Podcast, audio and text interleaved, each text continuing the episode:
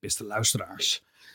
LGBTQ, ehm, lesbische vrouwen, ehm, nou die vallen dan op elkaar. En gay-mannen, dat zijn dan mannen die op elkaar vallen.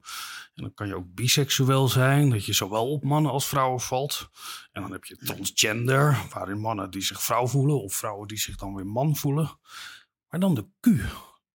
Wat is dat eigenlijk? Is dat een queer? Een paraplu-term om je af te zetten tegen al het hokjesdenken. Vandaag gaan we het hebben over de representatie van de LHBTQIA-plussers. Staat volop in de belangstelling. Maar dat betekent dat ook dat de media echt veranderen. Wat zou de queer media kunnen inhouden? We gaan erover praten met Dr. Sudeep Dasgupta, universitair hoofddocent bij Media en Cultuur aan de UvA en onderdeel van de ASCA-onderzoekgroep What's Queer Here. Daarnaast schreef je onder andere het boek What's Queer About Europe, Productive Encounters and Re-Enchanting Paradigms. Mooi gezegd, Vincent. Eh, mooi, hè? Re- re-enchant- kan je dat nog een keer doen? Re-Enchanting Paradigms.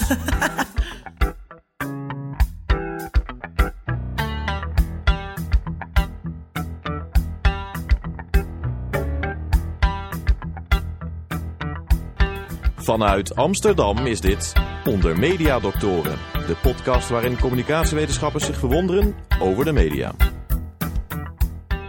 We gaan het straks hebben over wat queer dan precies inhoudt. Maar ehm Sudiep, heb je een voorbeeld van iets wat queer is in de media? In de media, zie je? Ik zit nu helemaal gewoon in mijn Engels term. Zeg eens drugs. Drugs. Nou, dan ik En er ga. bestaat ook queer rap. Queer rap over drugs. Ja. Nou, ik zal doorgaan in Engels en misschien kom ik terug in Nederlands aan. Nee, zo kom, je, zo kom je er niet mee weg, uh, Sudiep. Wat? Zo, zo makkelijk kom je er niet mee weg. Ah, Oké.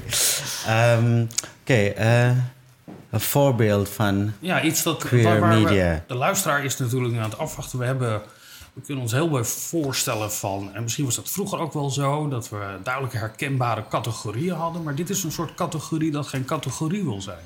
Ja. Hoe kan je dat dan herkennen als je ehm, naar de media kijkt?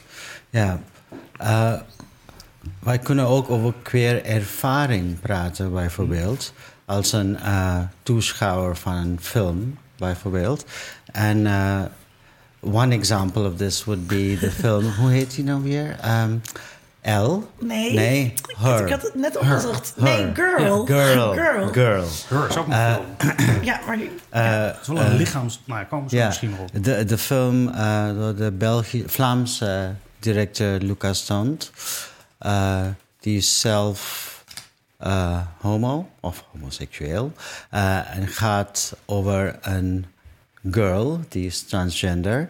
Ehm, die is gespeeld door een jongen. Die is voelt niet transgender. Dus al die problemen die we gaan eh, later over hebben, komen in die, eh, in die film zelf. Maar als een queer ervaring voor mij als een toeschouwer, wat ik zo merkwaardig vond van die film, was precies dat je ziet iemand, je ziet iets, je ziet haar, maar zij zelf praat bijna nooit over wat zij voelt. En dat vond ik zo indrukwekkend als ook een voorbeeld van wat queer kan zijn. Dat queer is iets dat bestaat, maar het is niet makkelijk om een betekenis te geven over wat het is dat jij ziet. Um, so to give you an example, in the film, the doctors talk about her, about her, what she needs to do, her medical issues.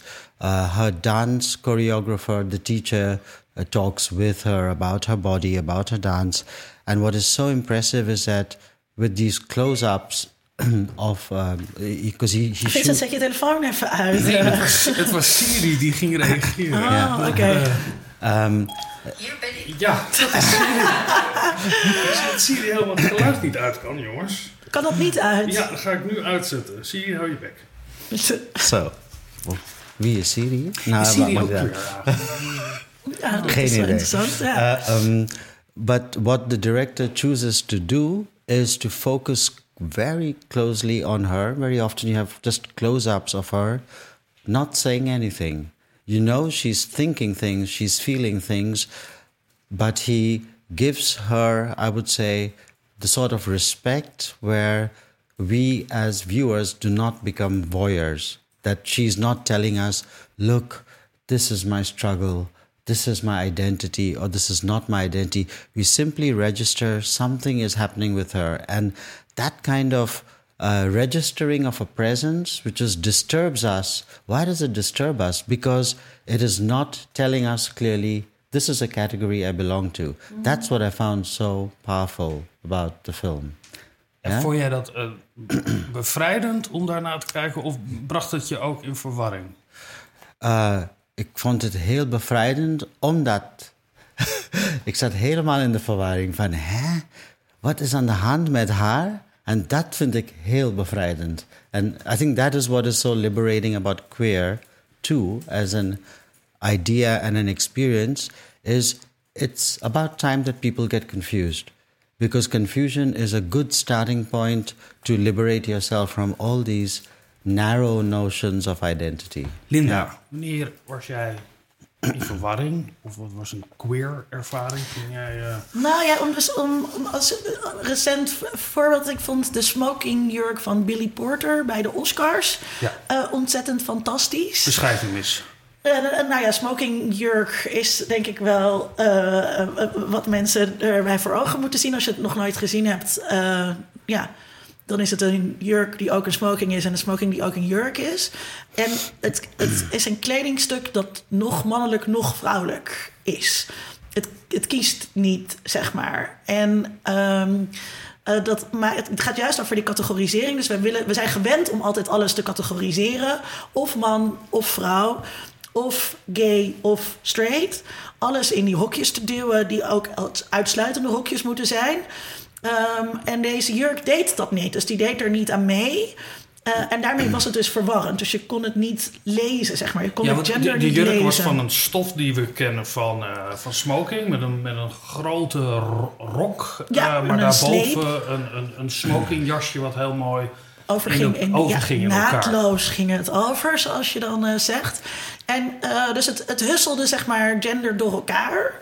En het maakte gender onleesbaar. Eh, en dat, dat brengt ook verwarring. Eh, en dat is, dat, ik ben dat eens met Sudiep. Dat is een, fij, het is een fijne ervaring om dat mee te maken. Terwijl dat natuurlijk tegelijkertijd eh, verwarring ook een reden is waarom mensen daar heel boos over kunnen worden. Ja, absoluut. Ja. Daar gaan we het zeker over hebben, over dat boos worden. Eh Sidiep, ik, ik begon met die letters... Hè, die we op een gegeven moment eh, eh, steeds meer naar voren kwamen. Ook als...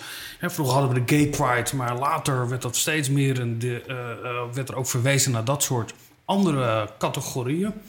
Maar hoe moeten we dan eigenlijk die Q daarin zien? Waarom is het niet in een... Is het hetzelfde? Is het een... Ja, ik weet nu... nu als je LGBT hebt... Waar, hoe moeten we die Q daar dan in plaatsen? Ja, oeh, groot, eh, groot vraag. Ja. Het is ook... eh, we hebben anderhalf uur, jongen. Ehm, ja, eh, er zijn historische redenen voor de ontstaan van Q, eh, maar ook conceptueel redenen voor. Um, uh, I remember a few years ago, no, maybe 10 years ago, someone, an academic wrote an article, Is there queer identity? Question mark. Um, and this was really a contradiction because queer was supposed to be the rejection of all identities. And Yeah. he asked, well, but could someone say that my identity is I am queer, which sounds like a contradiction in terms. And I think this contradiction in terms is what you see in that whole chain of LGBTQI and then now plus. The historical, to come to the historical reasons for that, I think that came really out of um, the history of exclusions within many forms of left wing politics. We learned it very strongly first um, with feminism, that feminism slowly became uh, it became apparent that feminism was kind of white middle class feminism and then we had black feminism and then that continued. And this uh, uh, this was specific i'm referring now to the american context. And the same thing happened with the lgbtq thing. Um, firstly gay liber even before we had LGBTQ, you had the gay liberation movement, the GLM, um, which was very much based on stating one's identity and reversing the phobia. So instead of saying I'm ashamed of being gay, I'm proud of being gay. Maar was dat ook als een uh, verzet tegen? Want al die letters zijn in ieder geval niet cis en straight. Zijn dat allemaal categorieën die zich daartegen afzetten? Dat is niet waar. Nee? Nou, niet helemaal, omdat je uh, ook intersexen uh, erbij hebt. Uh, en mensen met een intersexe conditie hebben geslachtskenmerken die niet aan te duiden zijn als uh, duidelijk mannelijk of duidelijk vrouwelijk. Maar dat betekent niet dat die mensen een transidentiteit hebben. Dat is misschien ook handig voor de luisteraar die dat niet weet. Cisgender betekent dat je je, ja, dat je, je, je biologisch geslacht overeenstemt met wat je in je hoofd voelt. Dus met het gender dat je beleeft. Dus jij bent uh, cisgender, Vincent. Um, dus het is niet helemaal zo dat het, dat het een dat het een rijtje is van mensen die niet hetero en of niet cis uh, zijn. En er is nu veel discussie of ook asexuelen in dit rijtje opgenomen ja. moeten worden. Waar ik gisteren nog weer een heel uitsluitende discussie over zag op Twitter. Um, waarin iemand zei, nou, die wil ik er gewoon niet bij hebben. en, en, dus iemand zei, ja, maar dit rijtje gaat toch juist over het insluiten van mensen die zich niet thuis voelen. Maar bijvoorbeeld ook een vraag, um, horen mensen die aan BDSM doen, horen die ook thuis in de lettersoep? Omdat zij ook te maken hebben met allerlei vormen van seksueel stigma. Dat geldt ook voor sekswerkers bijvoorbeeld. Um, dus het, het ligt wat gecompliceerder dan dat. Het is een verzameling van uh, uh, seksuele voorkeur. Het gaat over biologische. Het gaat over niet-seksuele of aseksuele. Het, het, het is een. Um, en het, het lastige uh, daarbij is dus dat die ervaringen allemaal heel verschillend zijn. Ja. Mm -hmm. En um, wat Sudiep ook zegt, er is een lange traditie van elkaar uitsluiten in sociale bewegingen. en, dat is, en dat is dus nu ook een discussie die alive and kicking is. ja, moeten, moeten we met z'n allen bij elkaar in de soep? Uh, of, of mogen heel, veel heel specifiek mensen er niet bij? En wat dan interessant is, is dat voor sommige mensen queer dus een woord is geworden om uh, niet LHBTQIA-sterretje te zeggen, maar dat in zijn geheel te nemen als, als rijtje zeg maar, van niet-hetero-cis-gerichte identiteiten. Wat dus ook niet helemaal, uh, wat, wat dus niet helemaal correct is als het gaat over niet-hetero en niet-cis, maar wat zeker niet correct is uh, als het gaat over hoe die term oorspronkelijk bedoeld is. Maar daarbij zou queer dus de overkoepelende term zijn waarin de hele lettersoep eigenlijk in uh, opgenomen kan worden. Ja. Yeah. Yeah. Maybe one way of thinking of it is uh, if I just quote a term from a philosopher, which you had Patricia last time. So you know. anders verwacht dan. but the notion of uh, uh, Gilles Deleuze had this notion of the minority or the minoritarian, and the minority doesn't mean the people who are less in number. It means the people who have been dominated. And what what unites this whole chain of LGBTQ etc. is precisely they are minorities in the sense of being in some way marginalized within existing structures of normativity. And yeah, I think that's what brings them together. But as Linda just said, that doesn't mean that they all suffer in the same way or that they also have agency in the same way that it, their the specificity of their um, lack of power um, is not the same. Um, the expansion of these terms, LGBTQ, however, can lead to separatism, right? In the sense of saying, look, your struggle is not my struggle. And I do remember, I'm not sure when this book came out, but uh, uh, feminist theorist Judith Butler wrote a book called Undoing Gender. And what was startling in that book was the very first chapter of the book was titled Acting in Concert. In other words, uh, samen vechten voor ja. iets. Maar je weet heel goed dat jouw interesses zijn niet dezelfde. Ja? Maar kan je dan ook als je uh, elementen van, wat we hebben net gezegd, we kan het over seksuele voorkeur gaan, het gaat over je biologische constitutie. Kan je dan in jezelf een onderdeel uitmaken aan de ene kant van een queer, maar aan de andere kant wel tot een bepaalde dominante groep horen? Kan het in één persoon verenigd zitten? Yeah. Um, some people, the American sociologist Stephen Seidman, for example, says that queer means a critique of all forms of normativity. So any kind of normalization, queer resists that. So if you take his definition, one could say that um, queer cannot be including any element which is dominant. The problem is, at least empirically, historically, you will see quite a few groups. I'll give you a, a, a personal example of this. That uh, when I first encountered the term queer was in queer theory, yeah, not in queer activism, but in queer theory. When I was a student in the U.S. And one of the critiques of the people in these queer theory seminars was that they were all white, upper middle class gay boys, right? Yeah.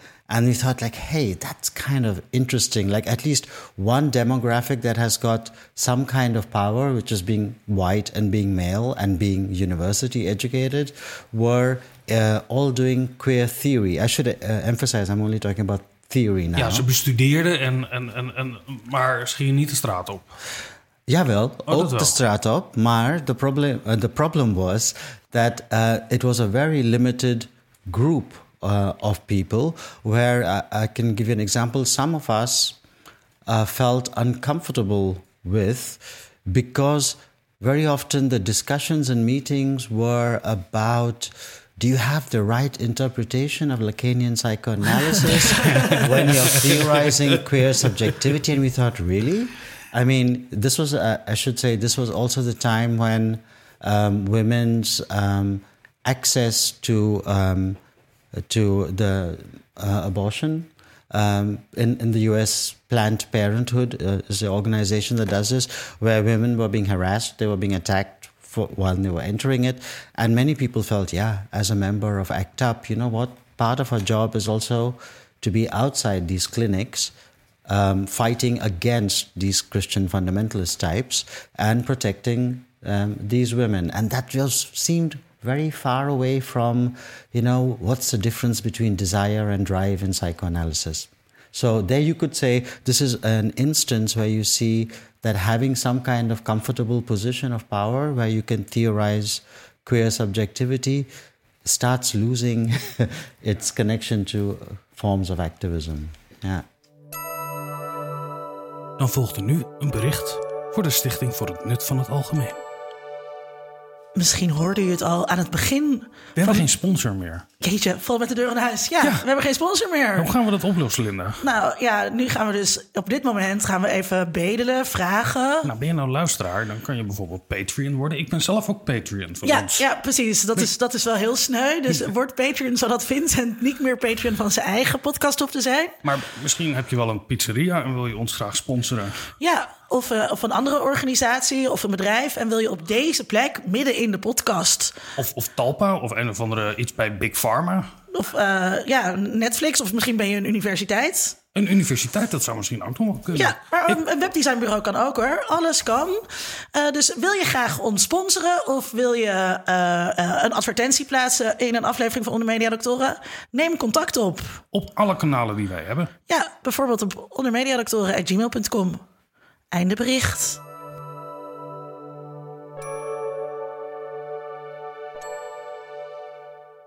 Linda, als, als de term queer een, een, een, term zou zijn waarin, zoals jij noemt, de hele lettersoep in samengenomen kan worden. Um, maar die lettersoep komt ook voor uit een hele duidelijke emancipatiestrijd. Mm ondermijnt dat dan niet ook het recht van mensen die zich juist wel identificeren binnen een van deze categorieën? En die strijd daarover te voeren. Nou ja, en het, en het, maar het is, dus, het is op allerlei manieren problematisch om, om die lettersoep op die manier samen te vatten. Maar, er, maar ja, dat heeft ook gewoon met taal te maken. Hè? Dus uh, er wordt ook wel vaak roze gezegd. Uh, maar roze ja, vat het ook niet helemaal. Uh, gay is dus in Nederland op dit moment heel zwaar beladen geraakt. Omdat heel veel vrouwen zich uitgesloten voelen van, uh, van die term. Um, en wat dus interessant is, is dat een aantal, wat zo diep ook al zijn, een aantal van de wortels van het begrip queer liggen ook in ongemak met een term als gay of met, een, met, met de. Um, ogenschijnlijke gelijkstelling die er steeds plaatsvindt door altijd te zeggen gay en lesbian. Door altijd homo en lesbisch in één adem te noemen. Want als je dat altijd in één adem noemt, dan zeg je dus eigenlijk: dit hoort bij elkaar, maar het is toch iets anders, maar het is toch hetzelfde. Snap je? Nog één keer. Als je ze altijd in één adem noemt, ja. dan zeg je eigenlijk: dit hoort bij elkaar. Ze zijn toch anders, maar ja. toch hetzelfde. Ja. Want je gebruikt twee woorden en niet één woord. Dus, dus dat, dat is eigenlijk hetzelfde, maar toch gebruik je twee woorden. Um, daar, daar is ongemak mee. En juist om dat, verschil in ervaring te benadrukken, kwam dat idee van queer identity op. Maar dat is heel vaak niet wat mensen ermee bedoelen. En dat vind ik dan weer uh, als wetenschapper heel interessant. Dus de queer-theorie die ik geef aan de UVA, dat is echt iets anders dan hoe mensen queer gebruiken op Twitter. Uh, dat staat mijlenver van elkaar af soms. Zelfs, zelfs op een manier uh, ja, dat ik een beetje moedeloos word. En dan denk ik, wel, je hebt het echt helemaal niet begrepen. Maar wat lees je dan terug op Twitter? Waar... Terwijl andere mensen tegen mij zeggen... ja, je moet je mond dicht houden, want je bent, geen, want je bent niet lesbisch. Snap je? Ja, nee, ik, ik snap het. Maar dat is ook omdat ik je ken. Maar ik denk toch dat je het moet uitleggen. Wat, uh, wat het verschil... Je bent niet lesbisch. ik weet dat het een schok is voor menig luisteraar. Um, Um, wat, het, wat het verschil is, nou ja, wat, wat, waar het ook over heeft, de square-theorie gaat heel erg over hoe kunnen wij op een, op een bepaalde manier nadenken buiten heteroseksualiteit, die voorbij gaat aan simplistische dichotomieën, waarin je steeds het een tegenover het ander stelt. En waarin je gaat zoeken naar wat voor andere manieren van leven zijn er mogelijk, wat voor andere identiteiten zijn er mogelijk, hoe kunnen we dit, open, hoe kunnen we dit openbreken? Dus openbreken, problematiseren, deconstrueren. Uh, mensen in de war uh, brengen. Terwijl wat je juist ziet op Twitter is dat mensen heel graag een nieuwe identiteit willen omhelzen. Uh, en dat woord gewoon heel lekker klinkt. En het is eigenlijk vaak gebruikt wordt als een manier om gay, lesbian en trans te zeggen. Maar als ik nou als witte, hetero, cisman ehm, mag ik mij ook tot de categorie van queer, mag ik mij dat toe-eigenen? Nou, Vice had, uh, had uh, vorig jaar of het jaar ervoor, geloof ik, een, een uh, interessante fotoreeks met een aantal mensen die zichzelf queer noemden, genderqueer mensen ook, waarvan er dus één een witte hetero man was. Nou, dat leidde me toch tot een boel boze reacties op Twitter, dat het belachelijk was, dat hij de plek innam, dat het niet zou mogen kunnen. Terwijl dat nou juist wel het idee was, als je bijvoorbeeld Judith Butler leest, uh, haar idee van genderqueer laat wel degelijk ruimte voor iemand die een biologische aantrekkingskracht voelt op ehm, mensen met een piemel, terwijl die zelf ook een piemel heeft. Um, um, maar zich ongemakkelijk voelt bij de identiteit man. Maar Sudeep, als je, als je... Yeah, maar an example would be gay. You give the example of gay and lesbian, right? The problem with that also is gay and lesbian already assumes that gay means a guy. Yeah. So yeah. just to screw things up, can a woman feel gay and can a guy feel lesbian? I think it's a fair question to ask because gay already assumes that a guy feels all I am is a guy and who in god's name really feels that and i would say this like not because i, I did psychoanalysis but i think um, this feeling of discomfort and being confused is not some theoretical game for intellectuals. I think a lot of people feel that. And i think also should feel open to feeling that. Maar gaat, gaat queer dan ook altijd over zelfidentificatie Niet, niet per se, maar het was voor mij wel toen ik voor het eerst queertheorie las, had ik wel precies dat, dat, dat moment van: oh, oké, ja, dit gaat over mij. Dit, dat was de eerste keer dat ik me echt thuis voelde bij feministische theorie. En dat was echt levensveranderend en, en baanbrekend. En ik vond het fantastisch, want het gaf me een perspectief om mezelf beter te begrijpen en om de wereld beter te begrijpen. Ehm, maar je kunt ook. Omdat er bepaalde eh, rigide categorieën zijn waarin jij je ongemakkelijk voelt als jij daartoe gerekend zou worden. Ja, maar, en, maar ook om de wereld beter te begrijpen. Omdat als je onderzoek gaat doen naar identiteit, zoals ik heb gedaan in mijn proefschrift met meisjes, dan kom je erachter dat je dus niet die de hele tijd meisje voelt. Of je bent niet de hele tijd Amsterdammer of niet de hele tijd moslim. Eh, maar al die dingen ehm, eh, lopen door elkaar. Ehm, en dan weet ik wat. ook- Oh ja. Maar zelfs als je je niet op die manier identificeert en niet op zo'n manier thuiskomt in dat boek, stel dat jij het zou lezen, jij bent toch wel, denk ik, de minst queer persoon in Nee. mijn vriendengroep. Ja, Ook nee. jij, zeg maar, kan Ja. een queertheorie lezen en denken: wauw, wat een interessant perspectief op de wereld lees En ik vind het interessant, je, je benoemt nu mij.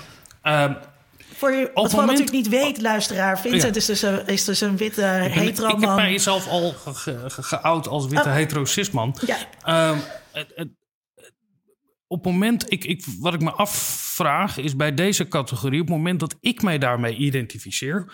Want natuurlijk zijn er hele dominante witte hetero cis verwachtingen die aan mij gekoppeld worden, of over mijn man zijn gekoppeld worden, waar ik me buitengewoon ongemakkelijk bij voel. Zeker als dat op dezelfde excessieve manier gedaan wordt als al in de lettersoep, weet je wel, waar je je niet mee identificeert. Met dezelfde eh, gevoelens kan ik hebben over wat er verondersteld wordt van mij als witte hetero eh, cisman.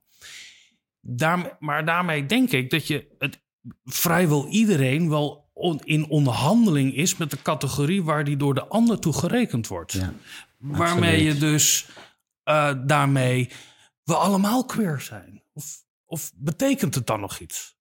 Mhm.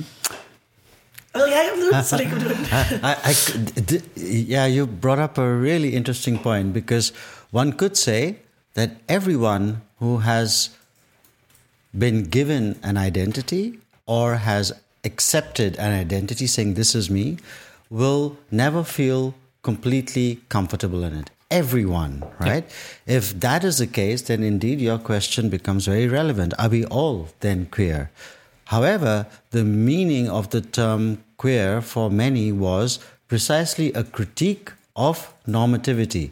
So the first question to ask is um, Is your experience of being queer exposing the power of normative regimes? If it is not, if you're just like a mixed up soup of all kinds of things, um, you might be very interesting, but you might not necessarily be queer in Ja. the sense of yeah. Kijk, ik ben natuurlijk in mijn positie. Kijk, ik ben de norm, hè, laten we eerlijk zijn. Ik ben de enige die altijd over. Mhm. Daarom heb je ook namens- zoveel spreektijd in Na- deze podcast. namens zichzelf. Dankjewel, Linda. Laat me even uitspreken, ja.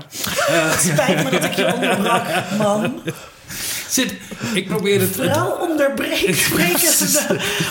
nou, vrouw, vrouw, iemand die zich in de categorie vrouw als als queer. eh, nee, het gaat natuurlijk over of je in die normatieve regime, zoals jij dat noemt, of je je daar ook in eh, geremd of aangesproken of, of ge- ge- gedisqualificeerd eh, kan voelen. En dat geldt natuurlijk voor mij een stukken minder dan als jij wel in een van die. eh, een, een, een problematische relatie hebt die jou in, daarin Maar- uitsluit. Ehm, wat, wat Sadiep zei, dat, dat gaat over identiteit. Dat identiteit nooit compleet eh, is. Het is, het is altijd een soort uh, proces. Stuart Hall ook gewoon. Eh, en... ehm, ehm, En het dat is vol het- met contradicties. Ja. Dat is heel belangrijk. Ja, Ja, ja. maar dat betekent nog niet dat eh, jij. Oh, want je voelt misschien ongemak met die categorie witte heteroman, maar dat betekent niet dat je ongemak voelt met de categorie heteroman. Dus jij voelt soms wel dat je er niet helemaal lekker in zit en dan denk je, moet dat nou? En nu krijg ik al deze andere dingen van andere mensen ook in mijn schoenen geschoven. Maar jij bent niet bezig met een project waarin je die categorie van witte cisgender heteroman kapot wil maken, onderuit wil halen. Nee. Nou, kijk, op het moment dat Daarvoor, jij mij daarvoor aan- heb je er ook te veel Nee, maar als jij net tegen mij zegt, jij bent een typische hetero eh, witte cisman. Ja, dat geeft mij een ongemakkelijk gevoel. Ja. Omdat dat een, een soort, daarmee zou ik een volledige identiteit hebben, wat daaraan zou kunnen worden afgeleid. En daar voel ik me ongemakkelijk bij. Ja, Ik maar bij het heus wel- instituut Witte Heteroman... ik weet het, de- mijn hele dagelijks leven natuurlijk is, eh, eh, eh, word ik daar niet op aangesproken over waar ik het wel zou Ja. schuren. En Om het dan even, zeg maar... Ik begrijp dat je als norm graag over jezelf wilt praten. Dat lijkt mij ook het beste uitgangspunt. Ehm, ja. Maar je kan dus bijvoorbeeld... Er zijn ook heel veel Eh, transgender mensen die in transitie zijn geweest, die helemaal niet willen tornen aan het hele gendersysteem, die verder niet willen tornen aan die, die oppositie die er is tussen uh, man en vrouw. Er zijn ook heel veel homomannen of lesbische vrouwen. Ehm, die dat systeem ook prettig vinden. Die het ook prettig vinden om in dat systeem uh, te zitten. Juist ook omdat het zo de basis is geweest voor uh, politieke mobilisatie, bijvoorbeeld. Ja. Ik denk dat we de term queer toch wel redelijk hebben verkend. Uh, de vraag is, want we zijn natuurlijk een podcast over media, bestaat er dan ook zoiets als queer media of queer media? En Fred en Zoner spraken met Martijn Kamphorst, hoofdredacteur online bij Wink. Dus wink, wink. Drugs. Drugs.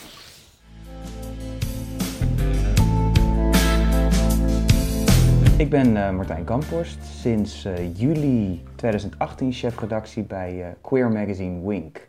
Ik denk dat het wel heel erg veranderd is, wat voor soort medium het is. Dat ik nu ook zeg queer medium, dat is ook wel bewust. Dat ik niet zeg gay medium. Um, toen toen we begonnen in 2005, ik zeg we, maar toen was ik 14 en liep ik nog tongend hand in hand met mijn eerste vriendinnetje, dus dat is een heel andere tijd. Uh, toen had je nog misschien wel vijf, zes, zeven andere titels. Allemaal op specifieke publieken gericht. Dus je had Zij en Zij, gericht op vrouwen. Je had uh, Expresso op uh, queer jongeren. Mm -hmm.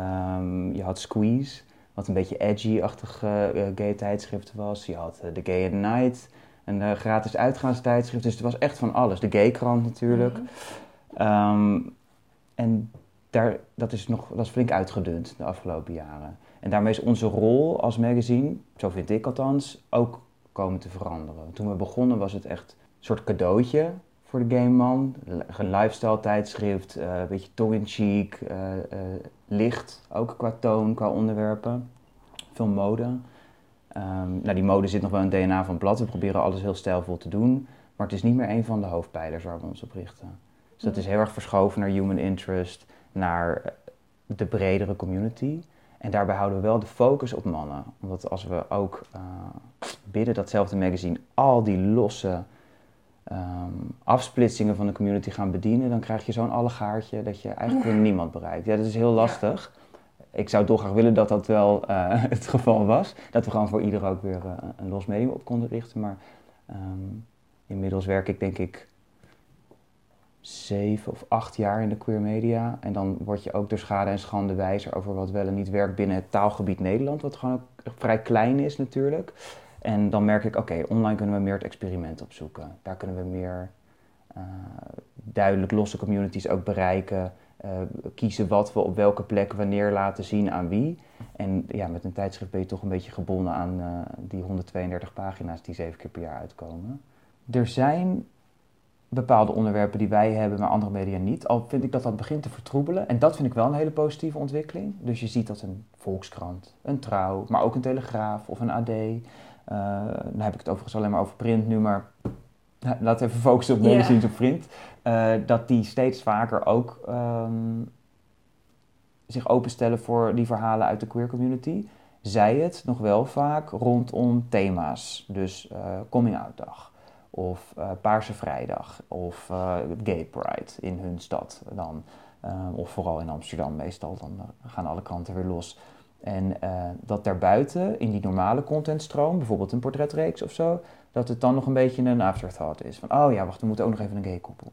Weet je Gaat wel beter, gaat echt de goede kant op, gaat ook in reclames de goede kant op. Mm -hmm. Maar het is vaak nog wel even, je moet er wel aan trekken. Ja. En je moet wel mensen scherp houden binnen zo'n team. Uh, om, dan, dan, heb ik het alleen nog maar over de seksuele diversiteit en nog niet eens over de genderdiversiteit of culturele achtergrond of wat dan ook. Want dat zit in al die ja. instituten heel erg hard ingebakken. Dus wanneer mensen vragen van is er, is er eigenlijk nog wel een queerblad nodig? Dat vragen ze. Of zou je het fijn vinden als er op een gegeven moment geen queerblad meer nodig zou moeten zijn? Vroeger zei ik dan altijd, ja, dat is natuurlijk het einddoel. Dat we dan helemaal zo geëmancipeerd en uh, uh, uh, geassimileerd zijn dat we niet meer nodig zijn als magazine. Daar ben ik helemaal van af. Okay. Want ik denk juist dat wat ik net beschrijf, dat je, een, dat je eigenlijk altijd een plek nodig hebt waar jij ook gehoord wordt. Waar jij de, de focus bent van het verhaal. En niet als een soort exotische verrassing. Uh, zo van, oeh, gaan we even een blikje werpen in de queer scene of in de drag scene. Of even kijken hoe het daar eigenlijk met die homo's gesteld is. Dat is wie wij ook een beetje aan het worden zijn en waar ik nog meer naartoe wil. Dat, eh, dat het inderdaad niet meer eh, dat perspectief van de hetero op, hoe goh, waar zijn homo's dan mee bezig is, maar gewoon echt vanuit de community zelf die verhalen vertellen. Eh, en daarmee dus eigenlijk een soort lijfblad eigenlijk maken. En dat is, dat is niet meer alleen maar, oh hier is een geile naakte man naar te kijken.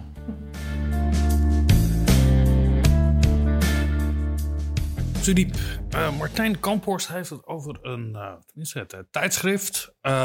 Richt zich op een bepaalde groepen, maar niet iedereen. Maar het is wel een queer medium. Ehm, kan dat? zou je, maar zou je het ook een queer medium... Zou, vind jij de wink queer? um, ja, Het is een ja-nee-vraag. Uh, uh, Oké, okay, nee. nee, je moet de categorieën niet... Je moet je niet laten verleiden tot, uh, tot, tot, tot, die gedamme uitspraken door die witte hetero man. I, I only know the print version of it. So I think he's an online editor, right? Um, but it, to me, it's a very familiar magazine. And by familiar, I mean the topics that it covers, the sections that it has, uh, the hot new products. It's a lifestyle on, blad. Uh, precies. On the market, the cool places to go on holiday, a few interviews with um, famous people or upcoming people, uh, lots of uh, advertisements and models and stuff. So for me, in that sense, if we say queer is something which confuses you, which forces you to question things, then going through the magazine, yeah, I wouldn't say that it is um, blowing my mind because I thought, oh gosh, I had no idea that this was happening or not. Ja, maar je Vertrouwd en niet verwarrend. Vertrouwd en niet verwarrend. Precies, ja. Ja, ja. ja en dat het, juist de, de eigenheid aan queer is dat het juist niet zo vertrouwd of uh, uh, het, het, moet het altijd moet het provoceren als het queer is. Yeah, maybe not provoceren, but I would uh, provoceren always has a little bit of a negative uh, Nou, lading. But I would say something like uh, disruptive. ja. Uh, uh, that's something that is disruptive that makes people feel uncomfortable. And I would say this also for people who identify as queer. Huh? That to identify as queer also means it doesn't mean that now you're the cool avant-garde and all the boring other people have to be have to be made uh, uncomfortable. It means accepting being confused and uncomfortable as a part of how life is. That's Ja, dat vind ik wel interessant. Dus, dus het gaat er niet om dat op, vanuit de identiteit, maar uh, het de ander ongemakkelijk moet zijn, maar het accepteren dat je in een ongemakkelijke positie hebt in de dominante categorieën die daar zijn. Yes. Uh, maar hoe kan je daar media over maken, Linda? Oeh, ik, denk, ik denk dat dat heel moeilijk is. En dat het is, weet je, deze discussie is natuurlijk verder niks ten nadelen van Wink. Ik bedoel, ik vind het heel goed dat Wink er is. Mm -hmm. um, uh, maar, en Wink volgt inderdaad gewoon het format dat we kennen van vrouwenbladen. Ja. Het zit op, zit op eenzelfde manier in elkaar. Ja. Net iets glossier, net iets gelikter, net iets hipper. dan, dat, dan dat de Margriet of de Libelle of zo is. Um, ik, ik vind dat heel moeilijk als je gaat denken: hoe kan je. Kijk, media zijn bedrijven. Zo'n mediatitel is gewoon een bedrijf die willen geld verdienen. Daar werken mensen die, die, die een salaris krijgen. Er worden advertenties verkocht. Binnen dat systeem. Je moet eerst al eigenlijk uit dat systeem stappen. Wil je echt. Wil je daar, ja, wil je daar buiten kunnen treden? En uh, dan pas je al niet meer in het huidige mediabestaan. Dan kan je ook nooit zo groot worden als dat de Wink is geworden. Want dan kom je veel meer in een soort do-it-yourself punk-achtige scenes... die je gaat produceren in de, in de underground. Ik weet niet zo goed hoe je of mainstream ja, en queer samengaan. Maybe uh, I can think of one example from many years ago... when I was teaching in the, in the US.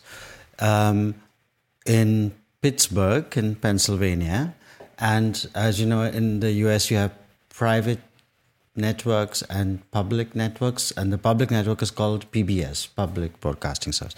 Okay, so PB, the PBS station in Pittsburgh decided to show um, the film. So here you have a mainstream media. Maar dat is toch een beetje de links-intellectuele. Uh, uh, een beetje, uh, um, een beetje, omdat er zit ook heel veel troep. Bijvoorbeeld uh, uh, masterpiece theater. I, I, can give you an example of that. Uh, so, so um, the so it's it's a public channel, but it's a public channel like we don't have in England. So there, it is all sponsored and sponsored by. In those days, it was like Lexus. So the luxury, luxury yeah. goods were. So this is, I would say, not exactly Links Intellectual, but it was funded by like uh, big corporations, and they showed in Pittsburgh uh, the film Tongues Untied by Marlon Riggs uh, probably the first film which explicitly represented and confronted its audience with what it meant to be black and gay and sexual, not gay as whatever wishy washy, as sexual, a, sec, a black sexual male being. And when that was shown, I would say what happened was it not, it's not that PBS became queer media, but that media became a place for a disturbing queer experience to take place because people who watched this were exposed by what in America they call bad language. Huh? Uh, I won't repeat some of the words, but which mag hoor je gewoon. Nee, uh, you know, yeah, yeah, but he, he uses words like uh, cocksucking, for example, which you know a lot of people use or do or whatever. Um, but it was like a scandal that a public radio station had shown a film which was basically vulgar and pornographic. It was showing a group that didn't have much visibility, so black men producing media about themselves. Um, and I used this as a uh, I used I showed this film in class as part of a course I was teaching on public broadcasting, and then you had really uh, let's call it this is a like power of in the VS deed je dat. In the VS, yeah. yeah. yeah, I was a bit naive. I had just stepped off the boat from India, and you know, I yeah, you know, I was not, I had not been trained properly in what you're allowed to do there. But uh, I showed the film, and one student was so visibly upset with the film. I think she she got up and walked out uh, halfway through. And later on, she told me uh, it was the period when America was fighting one of yet another of its famous international wars that it keeps fighting. And she said, It is shocking to me that my tax dollars, that's also an obsession with Americans, my tax money, um, my tax dollars went into funding and transmitting this pornographic crap when actually it could have gone into fighting the war. Now, to me, in other words, oh, wow. uh, yeah, and, yeah, and I was a bit, I thought, I, I was completely dumbfounded, but it was a nice kind of dumbfoundedness because it revealed to me the incredible power of like queer experiences in provoking people to also expose something about how other people think. That for yeah. her, black gay men being represented on media was so disgusting and pornographic and vulgar. And her option was, my God, that money could have gone in dropping yet more missiles in the Middle East. Maar in die zin zou Wink dus ook wel queer kunnen zijn op het moment. De, dat mensen zo'n soort ervaring uh, zouden hebben bij het lezen. Alleen, ja, ik moet, ik moet denken aan, uh, aan dat blad Lomo van, uh, van Linda de Mol. Ehm, want dat is, dat is iets wat dan door lezer, lezers van de Linda veel gekocht wordt. En die maken dan echt een uitstapje. Terwijl Wink is er echt voor een heel specifieke doelgroep. En wordt eigenlijk nauwelijks buiten volgens mij gelezen. Terwijl Lomo wel. En dat krijgt dan ook altijd heel veel media-aandacht. en iedereen is altijd heel kritisch op, zeg maar. Iedereen binnen de LHBTQ-gemeenschap. Ehm, maar dat is dan eigenlijk juist meer een queer titel, omdat dat meer mensen verward. Ja, ik kan me herinneren dat Arie Boomsma volgens mij op de eerste editie stond. En dat was dan een blad voor homoseksuelen, maar hij was zelf niet homoseksueel. En ik kan me de discussie nog herinneren. En dat ging ongeveer zo. Als hij dan daarop staat, dan moet hij ook maar zeggen dat hij homo is. Nou, en, en hij werd, maar hij werd ontslagen. hij moest weg bij de EO, omdat hij op de cover van het blad stond. En dat is natuurlijk iets heel fantastisch uh, als het gaat over disruptie. Yes. maar. Uh, nou ja, daar komen we straks ook nog wel weer op. En, um, ja, dus kijk, Linda maakt dat blad ook. En die genereert elk jaar ook weer heel veel gratis media-aandacht door mensen op de cover te zetten waarvan ze weet dat mensen in de zeg maar, roze gemeenschap daar boos om gaan worden. Weet je, dus dat is ook een heel naar spelletje wat daar dan gespeeld wordt. Van moet je hier nou boos over worden omdat je weet dat eh, Linda daar, weer, daar goed bij gedijt. Maar is er nog een onderscheid in waar de disruptie moet plaatsvinden? Uh, kan die disruptie. Um, ik, ik zat even te denken aan het Songfestival. Wat dan heel vaak wordt aangewezen. Waarin je wel op een hele prettige, niet-disruptieve manier. Maar dat er wel bepaalde uiterlijkheden worden genomen. Waarin er gespeeld wordt met bepaalde genderrollen. En, en, en is dat dan.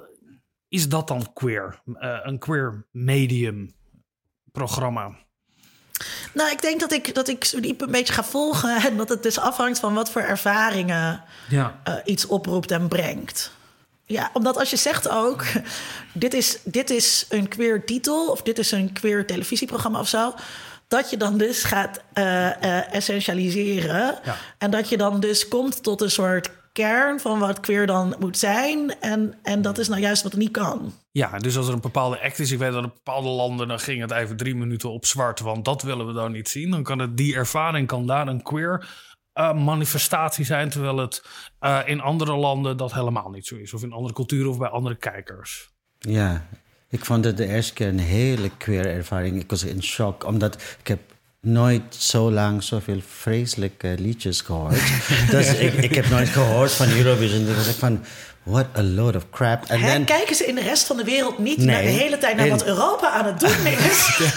wat zeg je nou? Dus ik was echt in shock van, wat is dit? En dan langzaam merkte ik, oeh, er is iets zeker aan de hand hier. In die, en ik dacht van, ja, yeah, there is a campiness ja. happening there at the same time that it is valued and gets so much attention all over Europe. And I thought, oh, this is cool. Something, it has become a kind of platform for some sorts of disruption. But the funny thing is, everyone seemed to agree that it's a really oh, it's a, it's a really gay, campy thing. And then you could say, then it's maybe not that disruptive.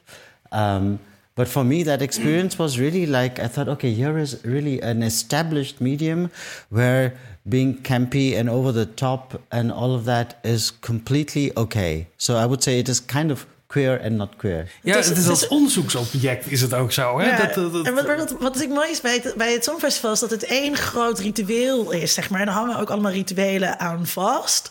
Um, die uh, best wel geworteld zijn in onze cultuur... maar die ergens op de een of andere manier... door groepen zijn toegeëigend die dat eigenlijk niet mochten doen... Uh, en hè, dus, dus dat zoveel uh, um, homo-mannen dat Songfestival leuk zijn gaan vinden. En dat ze daar dus dat er avonden omheen georganiseerd worden. En dat je in de reguliere dwarsheid dat op groot, groot scherm kan kijken. Als een soort voetbalwedstrijd. En dat er allemaal dingetjes uh, omheen zijn. En ik zit thuis ook altijd met mijn scorekaart klaar. Ik ook hoor. en ik heb vrienden die, die dat ook niet, li liever willen dan dat. Hoi op. maar dan steeds zeggen dat ze dat eigenlijk helemaal niet willen. Maar dus dat is allemaal omheen. Terwijl, um, uh, maar, maar ergens is het dus misgegaan. Terwijl, en het leuke eraan is, of misgaan tussen aanhalingstekens, terwijl natuurlijk heel veel landen zijn waarbij dat helemaal niet is. Dus ik was in Azerbeidzjan, waar we, waar we een vriend maakten die overduidelijk gay uh, is. Uh, en heel erg van het Songfestival uh, houdt. Uh, dus ik, uh, mijn voormalige verkering en ik, wij, wij schoten meteen in een stuip. En dan zaten ja, maar oké, in Nederland is dat dus heel gay. En hij had zich wel geen kwaad bewust, omdat het daar dan weer heel anders is. En dan kom je dus in hele interessante situaties. Ja, nee, ik over die betekenis. wat je beschrijft, dat er een soort viering is van nationalisme, maar binnen een brede Europese ja, familie. Misschien moeten we een aflevering maken over het Songfestival. Ja, er is in ieder geval heel veel over geschreven. Dus er is, uh, er is een dankbaar onderwerp in de, in de mediastudies natuurlijk. Ja. Um, maar zeker als het gaat over provocatie ook daarbij. I followed the dog around for three hours, just zooming in on its asshole, zegt acteur en drag queen Divine in de laatste scènes van de film Pink Flamingos. Geboren als Harris Glenn Milstead in 1945, maar ging de laatste 25 jaar van zijn leven door onder de naam Divine. Hij werd benoemd tot Drag Queen of the Century door People magazine, toen hij overleed in 1988.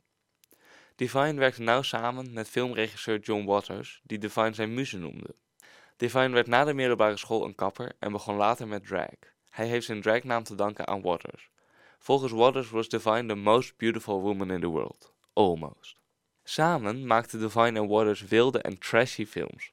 Hun eerste twee korte films waren Roman Candles en Eat Your Makeup uit 1966 en 1968. Hierin speelde hij als Jackie Kennedy in een soort nagemaakte situatie van de moord op John F. Kennedy, wat gebeurde in 1963. De film werd beschouwd als een niet smaakvolle en te snelle actie. Andere films als Mondo Trash Show volgden. Divine schor zijn haargrens op tot het midden van zijn hoofd en zijn make-up was altijd extra extravagant. Daarnaast woog hij meer dan 150 kilo, maar dat vond Waters juist fantastisch als tegenstelling van de normale 50 kilogram wegende actrices. Met zijn nieuwe stijl verscheen hij weer op het witte doek in de film Multiple Maniacs, wat samen met Pink Flamingos tot John Waters klassiekers wordt gerekend. Die laatste uit 1972 werd een cultsensatie. De film werd geproduceerd met een budget van nauwelijks 10.000 dollar en gaat over de rivaliteit tussen Divine's personage Babs Johnson en de Marble Family. Tot op de dag van vandaag is de film een deel van de permanente collectie bij het Museum of Modern Art in New York.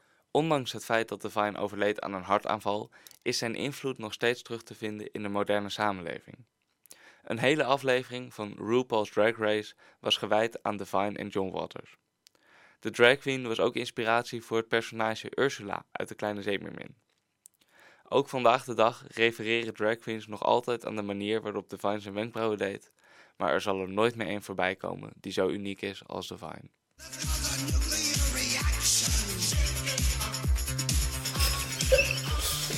Dankjewel Marijn. Drag, hoe verhoudt dat zich tot queer? Want uh, ja, dat roept toch een heleboel vragen op over man en vrouw zijn. Ho, hey. Ja. Dat heeft er eigenlijk niks mee te maken. Nou ja, nee, drag is natuurlijk uh, het, het uh, voor de hand liggende. Uh, als, je, als je terug gaat, zeg maar, Judith Butler. Dus Judith Butler schreef queer, schreef gender trouble, waarin ze dus zegt dat we ja, eigenlijk de genders moeten verwarren. Dat we ze onleesbaar moeten maken, onherkenbaar moeten maken. Denk dus aan die smokingjurk uh, waarmee ik begon, van Billy Porter. Um, en RuPaul zegt eigenlijk... RuPaul's slogan is... We're all born naked and the rest is drag. Dat is een van zijn slogans. en dat is, dat is eigenlijk wel een beetje de kern van wat, van wat Butler uiteenzet in Gender Trouble. er, is, er is geen genderidentiteit die voorafgaat aan jouw genderbelevenis. Er is alleen maar de herhaling van performances. En daardoor krijg jij het gevoel dat je een vrouw bent. Maar je doet eigenlijk alleen maar vrouw. En drag laat dat heel mooi zien. Gender is een soort opgeblazen. Of eh, sorry, drag is een soort opgeblazen. Uh, een soort parodie ja. van gender. Waarin, waarmee dus heel zichtbaar wordt dat het iets is dat je doet.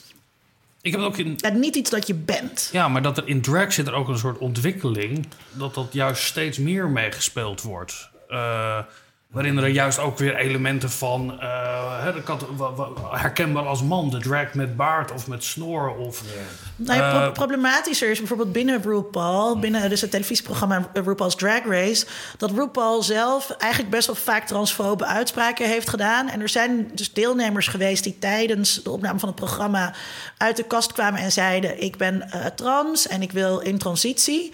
En uh, RuPaul heeft er dus moeite mee. Kan iemand die in transitie is geweest eigenlijk nog wel drag doen? En zeker als je dan ziet uh, als, uh, als er kandidaten zijn die alleen maar vooral graag echt op een vrouw willen lijken. En eigenlijk willen passen, het Engelse woord to pass, uh, in het dagelijks leven als vrouw. En dan is het, zou ik zeggen, geen parodie van gender performance meer. Dan, dan ben je inderdaad trans en dan bevestig je juist stabiele identiteitscategorieën. Yeah, I think in the development uh, in drag performances or yeah, drag visibility, also the the appearance of failed drag was really that moment which also exposed the dangers of only thinking in terms of there's one kind of femininity or one kind of masculinity because and this is not about policing uh, what is the right kind of drag, but if the only kind of drag was uh, the perfect woman, then the failed drag was a very good um, reminder ja, that the perfect het, woman het, het was also. De, de, constructie van, van, van het vrouw zijn of het man zijn zo mooi bloot. Hè? De, in die uitvergroting daarvan, dat je het daardoor als, als, als constructie gaat zien. Is, is dat ook de. Um, is dat de provocatie ook? Om de constructie zichtbaar te maken. Ja. Ja, dat denk, dat Ja, denk ik wel. ja. Want het is wel ehm, wat, wat je dus doet in je dagelijks leven, eh, is dat onzichtbaar maken door ook omdat mensen dus eigenlijk juist denken: nee, maar, maar mijn genderexpressie is, is een uitdrukking van iets wat diep van binnen eh, zit. En daarmee valt dat eigenlijk een beetje weg, die constructie. Dus ja, ik zou wel zeggen dat dat. eh, dat, dat eh, iemand moet heel hard lachen hier in de studio. Um, Eh, but, maar, but I would like to say one thing is that what's interesting about Divine is not just drag, but this is over the top, tasteless drag. Yeah. So there's this is about the politics of taste. That that. Luister, ik ben er nou heel that was benieuwd. so Ga dan even naar YouTube. want er is een yeah, what's filmpje fabulous bij about John Waters was at least when he first showed up was that this is this is the kind of tastelessness that would not be appreciated in let's say the stylish magazines for gay men or whatever. And that's niet in de wink. ja, misschien niet. Nee, eh, omdat uh, uh, the reason is that um, tastelessness also exposes the normativity of what we think is beautiful Yeah. or not, and it also sets the rules for if you want to critique something, what is the right way of critiquing it? The right way of critiquing it, uh, critiquing something, is also being respectable, having the right kind of body, and if if drag is a form of critique, then tasteless drag is also necessary because drag can also become normative in the sense of we only need to have perfect, beautiful women or men. Je vertelde het verhaal over jouw student in de VS die boos wegliep. Hè, omdat je een film liet zien dat dan door publiek geld was betaald. Hadden we ook democratie voor- mee naar het Midden-Oosten voor kunnen brengen. Ehm, waarom is het dat mensen zo over de zijk raken op momenten dat je met dat soort voorbeelden van destabiliserende representaties in aanraking komen? Ik kan het misschien wat academischer verwoorden, maar het verbaast me altijd. Waarom is er bijvoorbeeld agressie tegen drags? Of, Het is of- heel fundamenteel, omdat eh, die, eh, die indeling, die digitome indeling man-vrouw, die vindt plaats al voordat we geboren worden. Eh, eh, dus bij de echo al word je in een categorie geplaatst en dan wordt er vervolgens een heel leven aan identiteit al op jou geprojecteerd. Goh, hij zal later vast bij Ajax gaan voetballen. Ook automatisch een seksualiteit aangekoppeld. Goh, hij gaat va- vast later allerlei vrouwen harten breken. Het wordt een Casanova, dus je wordt ook meteen je heteroseksualiteit wordt ook meteen aangenomen.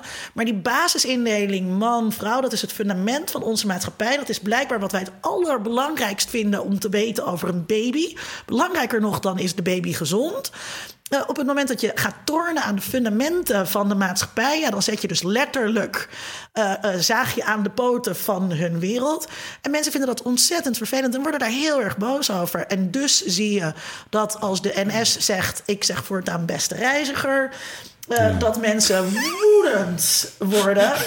Terwijl je denkt, ja, je bent toch aan het reizen in die trein. Dit kan toch een miniem kleine aanpassing. Eh, eh, nee, maar dat raakt mensen heel erg diep.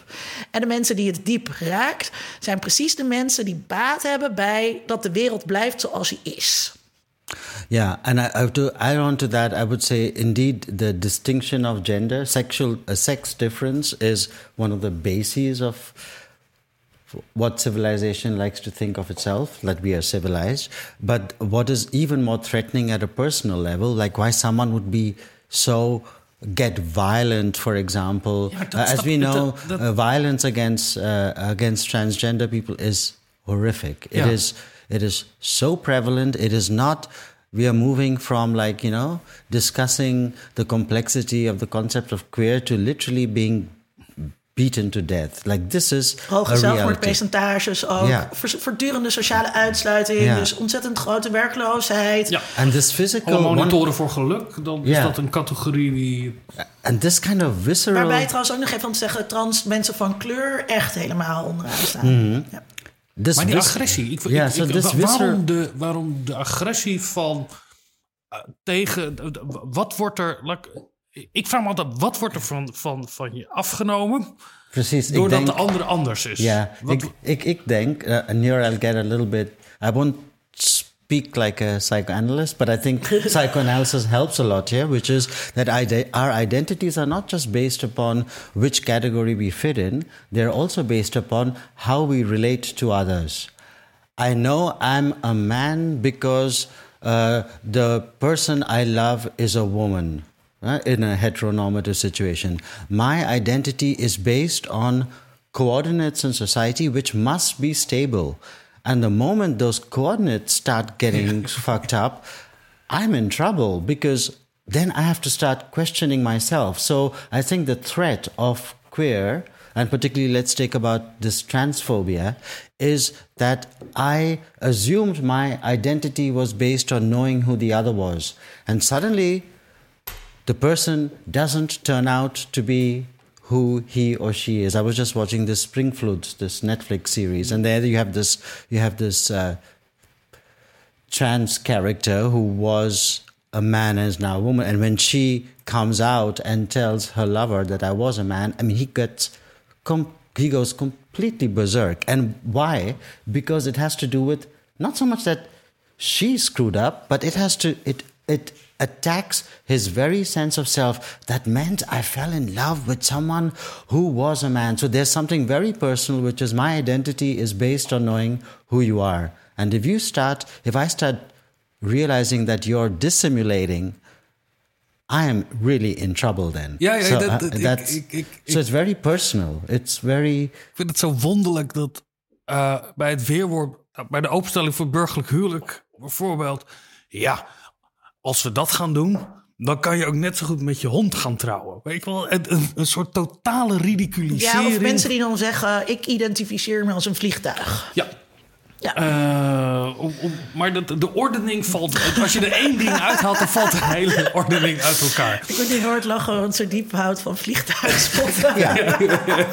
ik identificeer als een A340 hoor. Die is nog niet in de, Draaiboek. in, in, de, in, de, in, de, in de lettersoep opgenomen. Natuurlijk. Vliegtuigspotter. is, ik, ik vind het altijd heel eh, eh, absurd. En ik zit natuurlijk heel erg in het mediadebat hierover. En eh, eh, eh, ik word onterecht door mensen dan machinist van de genderdramtrein genoemd. En dat soort eh, dingen. Toet, toet. ja, precies.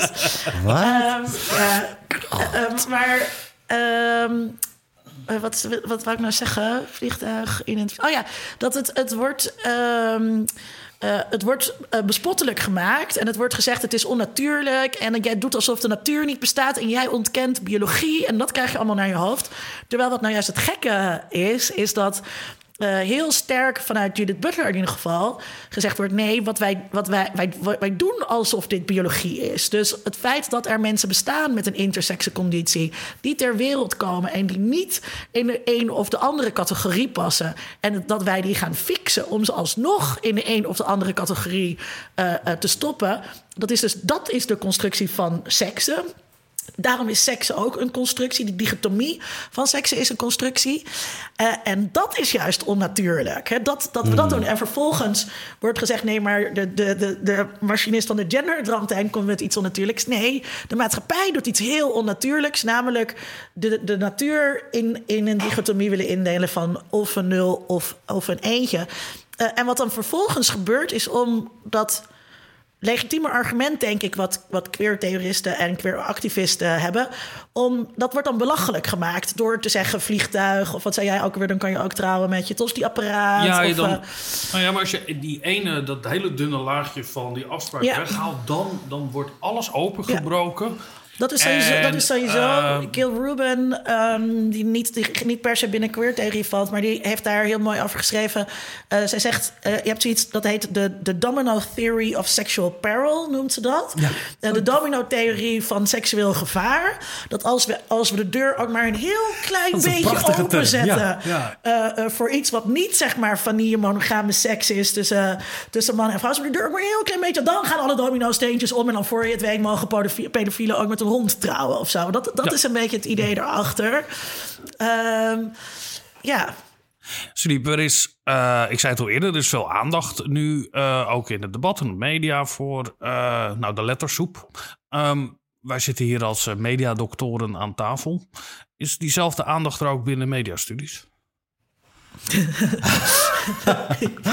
uh, hangt af van waar je kijkt. Ja. Dus uh, ik, ja, I would say... Ik weet wel dat er veel scripties over geschreven worden door studenten. Er is veel aandacht. Uh, de huidige generatie studenten, denk ik, veel meer dan Ja. 15 jaar geleden. Maar dat komt ook omdat het onderwerp is veel meer zichtbaar in de media zelf. Dus ik had, uh, yeah, I would say, um, I was talking to a student who wrote uh, her scriptie on Transparent, the Amazon series, I think Yeah. it was, or whatever. Uh, and Transparent, um, and she wanted to write about it because indeed it was about trans identity. Um, and what I also found interesting is as we looked at it and discussed it, it was actually also about ger- generational identity. What does it mean to be a parent? Who is a parent? Who is a child? And also a lot about queering Jewish identity because the characters are all Yeah. quite clearly Jewish. Uh, and this was, I think, like one of these places where I thought, ah, this series, particularly the first season, was a really fantastic exposure to um, the normalcy of what we think of, or many think of, as uh, not normal. Ja, Maar dan zeg je eigenlijk ook al dat wat interessant is om aan Transparent te bestuderen, is niet zozeer de representatie van transidentiteiten, maar eh, eh, je kijkt naar een samenspel tussen andere representaties en daar zat eigenlijk het interessantere in. Um, I wouldn't say it's not tran- about the trans identity. I would say it is about about how different identities all intersect and destabilize each other. To me, that is uh, because a lot of the jokes about a lot of the jokes about. Uh, um, Jewishness in the series were jokes which I really could immediately understand about gender. So, for example, none of them are religious, the characters, particularly not the grandmother, but she gets completely excited when she finds out that her son is sleeping with the rabbi, a woman. Eh? Uh, and then someone says, yeah, but you never even go to temple. And she said, who cares about going to temple? But it's, it's a rabbi. This is a sense of like, huh? Yeah. You find something exciting even though you make fun of it. Yeah. Yeah, and I would say that's a very queer way that we could also look at our own gender. Yeah, I'm a, I'm a guy, but look at what kind of guy I am. You know, that, that's okay. That's a, yeah. Ja, ik vind dus veel van dit soort. Ik, ik lees eigenlijk nauwelijks onderzoek. Ik heb het idee dat dat onderzoek ook al gedaan is. Zeg maar gewoon het standaard onderzoek naar hoe worden homo-lesbische identiteiten verbeeld in populaire cultuur. Wat- Dat is er natuurlijk al heel lang. Ja. We hebben in de jaren negentig ook heel veel gezien. Toen juist die doorbraken er kwamen in Amerikaanse popcultuur met Will and Grace en Ellen. Eh, toen is volgens mij zo'n beetje alles er wel over geschreven. En je hebt nu inderdaad heel veel series waarin dat terugkomt. Dus het is heel populair onder studenten om dat te doen. Het is ook een beetje een veilige weg voor studenten om dat te doen. Om te gaan kijken, ja, weet je wel, hoe worden identiteiten gerepresenteerd? Of het nou gender of seksuele identiteit is, dat, dat maakt dan niet Het zoveel is wel een uit. beetje UvA hoor. Maar, eh, Nee, dat is juist aan in Utrecht. Een collega van je die zegt tegen de studenten die niet zo heel erg slim die zijn, zegt ze: pak wat makkelijks. Doe gewoon genderidentiteit, representatie van genderidentiteit. Ja, dan kom je er wel. dat, eh, dat, is een, dat is een redelijk eenvoudige weg naar, om naar de zesde te schrijven. ja, maar de, de theorie is redelijk uitge, uitgewerkt. Precies, het Eh, is- de Maar- stappenplannen zijn helder. Ja. eh, Maar dus ik ik denk, ken eigenlijk niemand in Utrecht of in Amsterdam die echt naar representatie van LHBT well, onderzoek doet. Mm. Op een hoger niveau dan een scriptie. um, representatie, de echte representatievraag. Maar dat is toch. Alle representatievragen zijn toch een beetje eh belegen geworden. Ja, dat denk ik wel. Ja, ja, Terwijl dit in de media gaat het hier de hele tijd over. Hè? Wordt Ja. hier de hele tijd voor gebeld. yeah, yeah. Uh, I could come to that representation thing, like why that's become le- uh, less interesting now.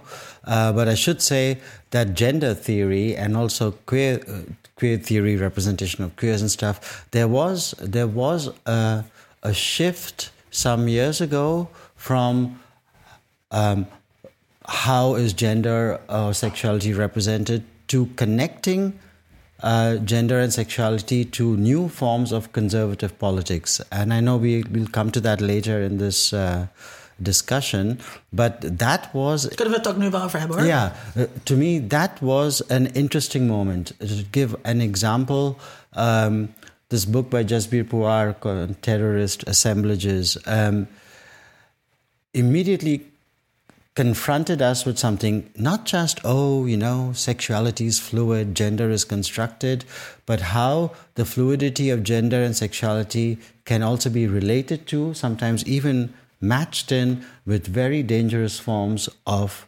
conservative politics. And that's, yeah. I see, as an expansion a very good expansion where it's not just about talking about your gender and sexuality, but talking about gender and sexuality inevitably means talking about things like the military, talking about nationalism, talking about cultural identity beyond gender ja, and sexuality. Is dat in Nederland ook? Hoe die, die categorieën uh, zich verhouden daartoe? Um, zeker, want uh, um, is de naam, toch? Just Pouar. Ja, uh, homonationalisme is toch zijn term? Ja, dat is, dat is absoluut iets wat je, wat je in Nederland ziet, waar, waarbij um, uh, de PVV op een gegeven moment het heel erg goed deed onder homo-mannen.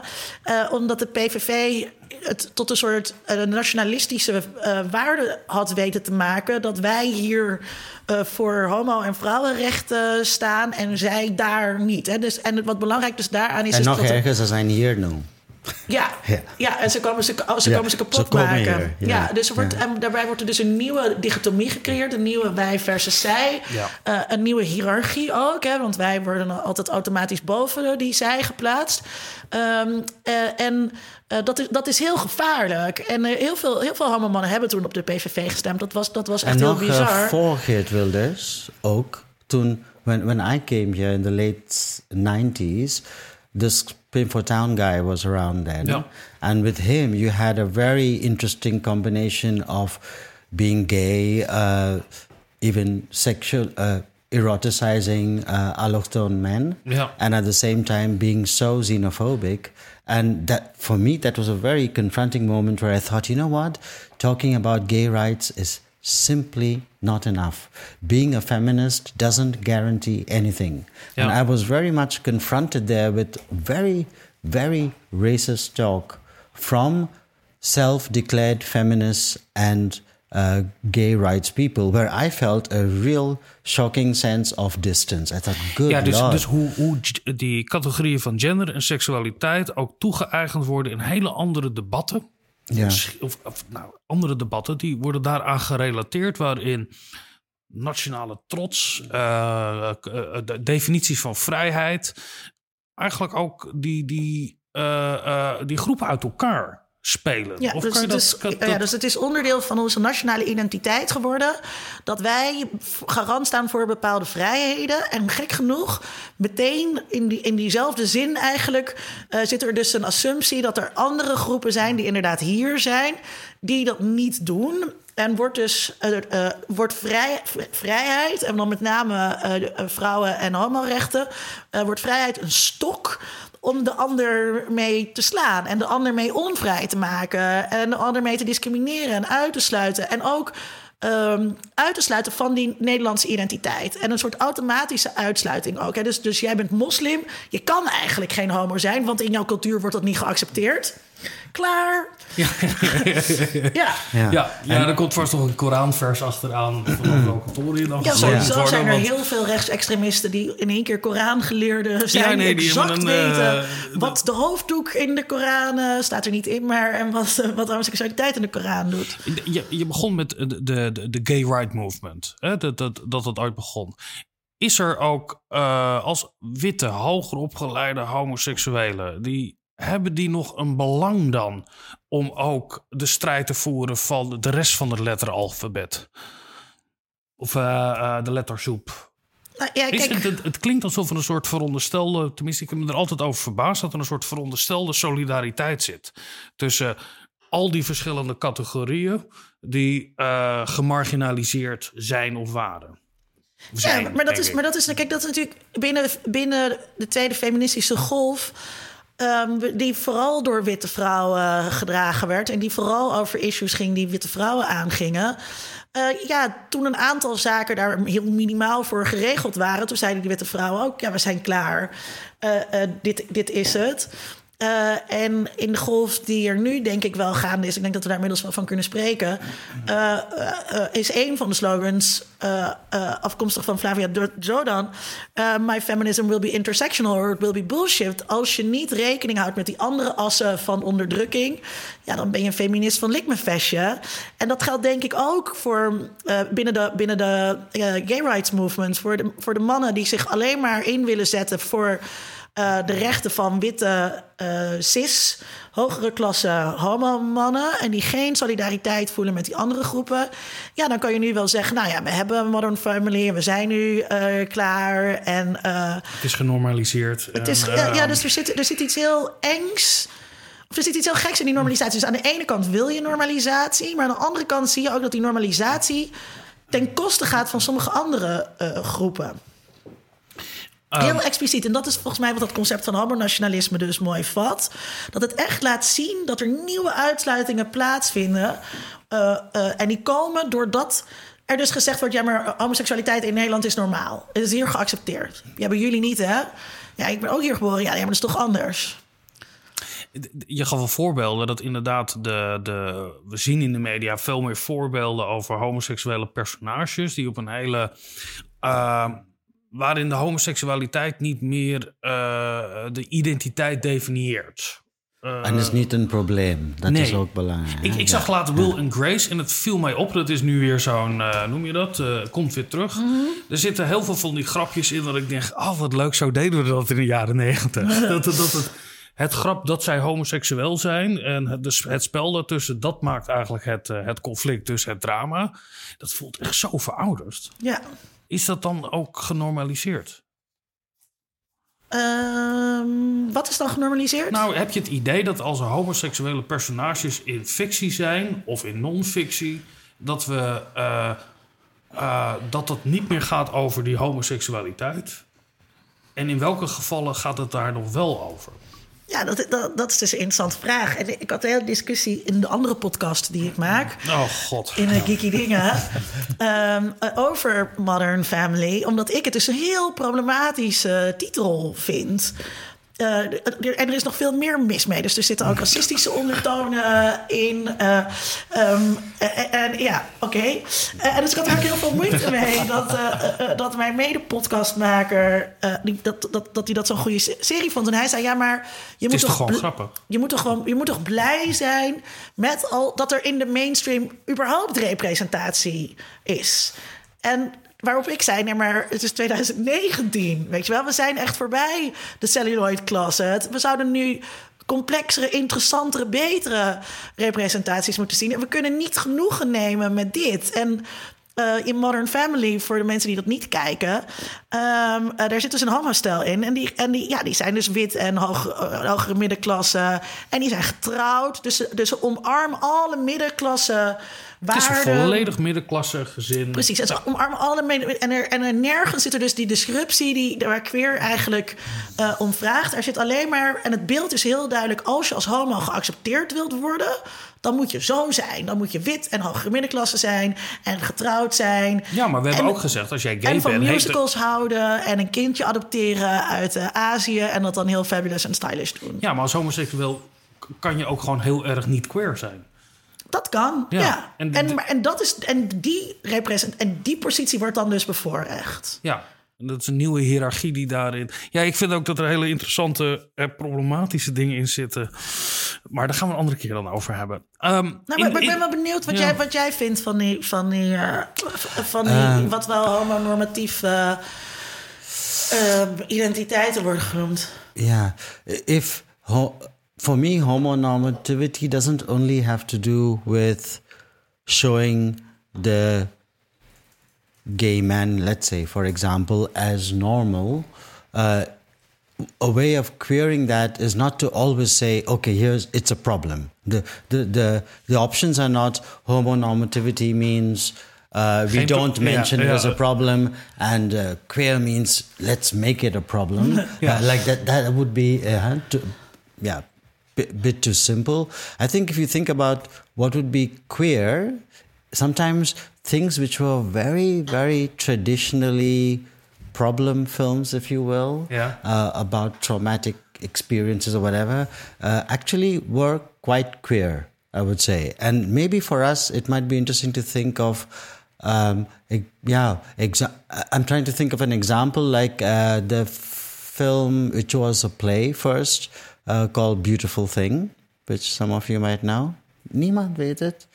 Okay, those who haven't zijn geen filmwetenschappers. Dit is ook de reden waarom we nooit filmwetenschappers So uitnodigen, if you all Vincent. don't know it, then uh, Dan valt het op dat we, dat we te weinig corpuskennis hebben. see it. It was one of the uh, um, Beautiful thing. beautiful, beautiful thing. We That's it. zetten het linkje op de website. In de yes, show notes. please. It, it with a fantastic soundtrack from the Mamas and the Papas. Okay, so anyway, why is this interesting? So this was a film. Uh, which in a way could be called a musical almost, um, but it, it it goes over many things. One of the things, indeed, is a kind of suppressed uh, homosexual desire in a young boy, um, and then slowly it leads to finally he meets some man he uh, the the other boy he loves and they're together and all of this. But in the so one could say oh problem film oh uh, not so much um, normative Ja, maar wel over de psychische strijd en innerlijke Ja, persoonlijke... over één identiteit, Ja. homosexuality uh, alleen. Maar um, the film itself is set in. It has a very British context. The film is set in a um, what in England is called a housing estate. So these are really. Uh, uh, beetje the Bouterwijk where the poorer people live in these tow- tower blocks. Yeah, the projects. Yeah, Tuinwijken. yeah, and Voor de mensen die in Amsterdam-Noord and you cannot Buiten de ring of the ring. Yeah. De periferie. Periphery. Oh, okay. Periphery. Okay. Periphery. Peripheric. Uh, and you cannot ignore that social context. The context of people who are living, struggling to make it. So, struggling to make it, in other words, the class position of those in it, as well as the sexual struggles of this boy, are completely intertwined with each other through the fact that, for example, his mother cannot, hoping to get a new job, whatever. Uh, the neighbor is um, a young black woman and her who's living with her grandmother and the young black woman beca- is a close friend of his. And through that you get this absolutely hilarious hilarious um, non-stereotypical representation of race as well. Because that young girl is fantastic. She's in love with mama. She thinks she's mama cass. So mama cass from the mamas and the papas. So what you get is race class, sexuality, all entwined, even though the film people I remember getting into discussions in the US when I saw it, people said, Oh yeah, what a nice gay film. And I remember it irritated me when I heard that. I was like not because it was not a gay film, but it was like, Jesus, there was so much more happening, which for me made it a queer ja, film. Ja. ja made it a als queer het- film. Als het, ja, dus als het, Ja. al die andere categorieën speelden net zo goed een rol daarin. Dat, Li- Linda, als, als het in het verhalen vertellen hierover in de film, vind jij dan dat de acteurs die daarvoor gecast worden ook daarmee. ehm, kunnen we daar gewoon een leuke Hollywood-acteur voor nemen die dat lekker gaat method acten? Ja, dat, dat is natuurlijk een discussie die, eh, die, nu, eh, die nu de hele tijd eh, speelt. Omdat we het ontzettend knap vinden als een cisgender acteur een transpersonage speelt. Of als een hetero acteur een homo personage speelt. En dan krijg je geheid een Oscar. Denk aan eh, Sean Penn, die Harvey Milk eh, speelde in de film Milk. Nou, ja, dat je was moet ook wel ach- fysiek achteruit gaan. Dat hoort er ook wel bij. Dat, je, ehm, eh, en daar, daar zit, daar zit Dick een Cheney. Ja. Ja. dus daar Ja. zit, daar zit, eh, en daar zit veel iets heel kilo's raars. aankomen of afvallen. Ja, dat, Ja. ja. Maar dat we dat is heel, heel moeilijk vinden. Terwijl er natuurlijk heel erg veel ehm, acteurs zijn die eh, gay of trans zijn en die geen rollen kunnen, geen, geen hetero-cis rollen kunnen krijgen. Ja, maar Hollywood is geen sociale werkplaats. Het gaat er toch gewoon om dat je een goede acteur bent. Ja, dat, eh, daar, daar gaat het zeker om. Maar helaas is dat dus niet zo. Want, want de ene, ene groep wordt heel erg voorgetrokken. Eh, het is een beetje zeg maar, wat Rutte ook met mannen doet in zijn kabinet. Dat hij dan zegt, het gaat, gaat puur alleen maar om het talent. En dan zet hij Halbe Zijlstra neer op een post waar hij geen verstand van heeft. Omdat het met talent te maken heeft. Dus is, dus, dus het is ehm, zo dat de ene groep wordt achtergesteld en de andere groep wordt voorgetrokken. Dus wat mij betreft eh, gaat, het, gaat het me niet zo over, kan je die rol spelen? Kan je dat aan of zo? Want ik denk zeker dat Scarlett Johansson uh, een transpersonage uh, had kunnen spelen. Of in die film waar jij het over had, Girl. waarin het dus ook een jongen is, een, een cisjongen die een transmeisje speelt. Um, maar het gaat voor mij, wat mij betreft, meer ook over, gewoon over werk. Dus één groep krijgt al zo weinig werk. En als het dan gaat over de rollen die er zijn, weet je, waar zij dan extra voor in aanmerking zouden ja, kunnen komen, die krijgen ze dan de ook whitewashing, hè? Dat ging er dan ook over. Hoe ja. witte acteursrollen gingen spelen. Van, dus dat, dat, vind ik, dat vind ik daar heel kwalijk uh, aan. En we leven gewoon niet in een wereld waarin, uh, waarin waarin uh, mensen kleurenblind zijn of geen seksualiteit zien. Wat vind jij? Yeah, I would uh, not completely agree. I would say, indeed, uh, we live in a social situation where structurally a lot of people are denied or they have limited access to the kind of work they should have. So there, totally, uh, I am uh, one with that. At the same time, I also feel that there is um, a danger in just losing out on a great, I would call it queer experience. For example, a really good film that disturbs you, that opens your mind, that causes you to question yourself, which I think are all good things. Uh, if the discussion is focused only on Ah, so I won't say you were not saying that, but if the discussion is only focused on, yeah, but that was a cisgender boy who played uh, a girl in in in um, in that film, and then then I think like God, there was so much more that the film also exposed, produced, disturbed in audience, and I would I would have found it, you know, sad if that film was not made. Because... En het, essentiali het essentialiseert ook weer. Dus het, het zegt ook dat er dus blijkbaar iets is uh, in jouw biologie, in jouw lichaam als homo-man... dat maakt dat jij een homo-man moet spelen of zo. Dus daar wil ik echt weg, weg van blijven. Van dat soort één op één stellingen. Yeah, it's merely about having access. Ja, that if they are homophobic or sexist, racist institutions, ja. Ja. they should have access. There, I totally agree. Yeah ja, ik, ik zit ook te denken dat de waardering die er altijd is, niet alleen voor mannen die dan zich helemaal transformeren, maar vooral hele mooie vrouwen die dan durven lelijk, te, zijn. spelen. Dat is ja. echt. Charlize Theron, ja, precies. Ja, Monster. Ja. En poor Nicole Kidman. She, everyone talked nu about. ja, een nieuwe film van Nicole yeah. Kidman. And the old one, when she played Virginia Woolf, and everyone just said, "Wow, that nose made you so ugly." And I was like, for God's sake, she acted in a film. She was not just wearing a nose, but yeah. yeah.